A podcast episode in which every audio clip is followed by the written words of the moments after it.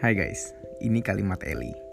Akan ada cerita, puisi, atau prosa dan lagu-lagu. Baik tentang cinta, kehidupan, or you know, those little things that happen in life. I will see you guys soon. Happy listening.